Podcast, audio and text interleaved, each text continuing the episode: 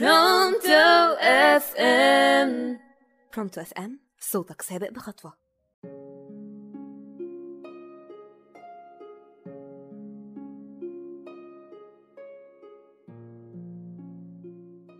يا مساء الخير على كل مستمعي Pronto FM معاكم ندى رضا في حلقة جديدة من يلا نرغي ولسه مكملين رغينا وكلامنا عن العلاقات بال GPS بس يا ترى الرغي على إيه النهارده يا عماد؟ خدعوك؟ فقالوا الجواز مشروع فاشل. يمكن مش بشوف إن الجواز مشروع فاشل على قد ما بشوف إن الناس اللي مشيت بالعربية في نفس الطريق هو الفشل نفسه. يعني إيه الناس اللي بتمشي نفس الطريق هو الفشل؟ أكيد كلنا حوالينا ناس مرت بتجارب حب والجواز والأكيد أخدنا منهم نصايح وتحذيرات سواء مباشرة أو غير مباشرة. بس برضه مشينا في نفس الطريق. إيه بقى هي الطرق دي اللي بنمشيها رغم التحذيرات فبتخلينا نفشل في علاقاتنا؟ خلينا الأول نروح لفاصل ونرجع نكمل كلامنا في علاقات بال GPS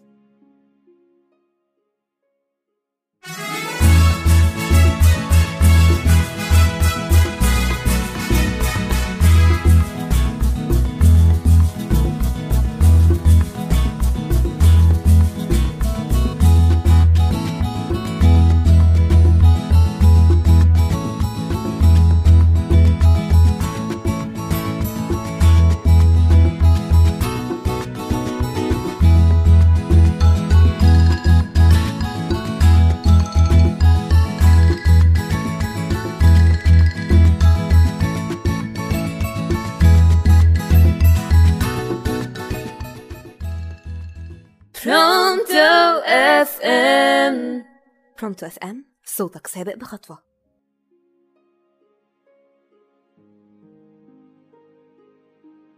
ولسه مكملين كلامنا وإيه هي الطرق دي؟ اللي بنمشيها رغم التحذيرات فبتخلينا نفشل في علاقاتنا. في إحدى المناقشات مع واحدة صاحبتي لقيت مريم بتحكي لي موقف حصل مع بنتها. وكانت نتيجة النقاش بينها وبين بنتها إن هي مدت إيديها ورفضت النقاش معاها ودي مش أول مرة تحصل. هي دايما كده مع بنتها وعلى خصام دايم مع بعض. ساعتها ما جاش على بالي غير سؤال واحد بس. مريم طريقتك مع بنتك مش بتفكرك بحاجة؟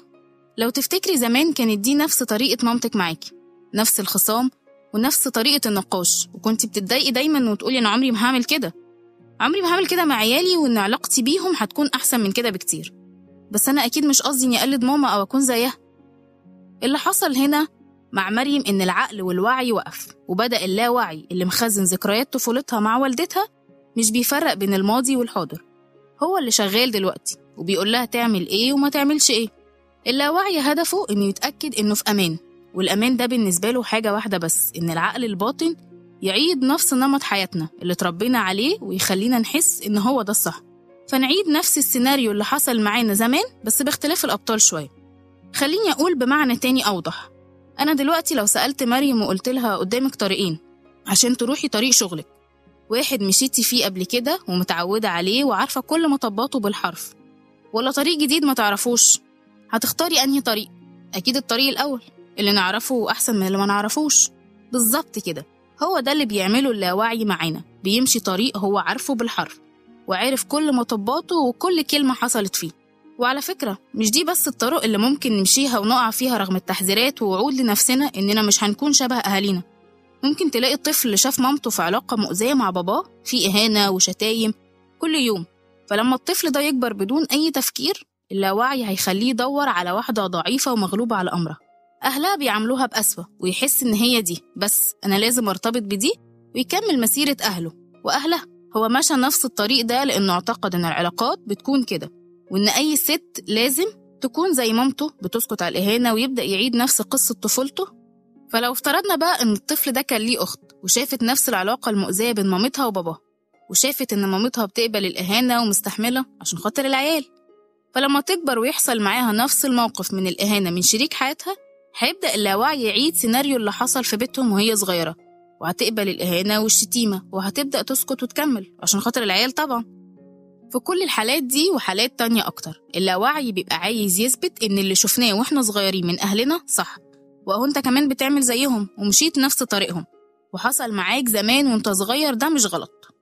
فاكرين لما اتكلمت في أول حلقة لينا إن إحنا ما تعلمناش يعني إيه علاقات؟ وإن كل حاجة اكتسبناها من الأب والأم. ممكن تكون اكتسبت وخدت وصفة وطريق غلط غصب عنك.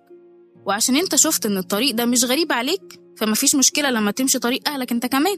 فعشان كده لو لسه ما دخلتش الطريق ده واللاوعي بتاعك ما ضحكش عليك لسه في فرصة. لازم تتعلم تتصالح مع كل الماضي بكل ظروفه ومشاكله. لأن أعتقد لو ما تصالحناش هيفضل المستقبل هو هو الماضي بنفس الوجع والجرح. فلو انتي بنت طول الوقت بتقول لنفسها مستحيل أتجوز حد زي أبويا؟ أو لما أكبر عمري ما هبقى زي ماما؟ أو لو انت ولد وبتقول لأبويا راجل مغلوب على أمره وأنا لما أكبر استحيل أعمل زيه؟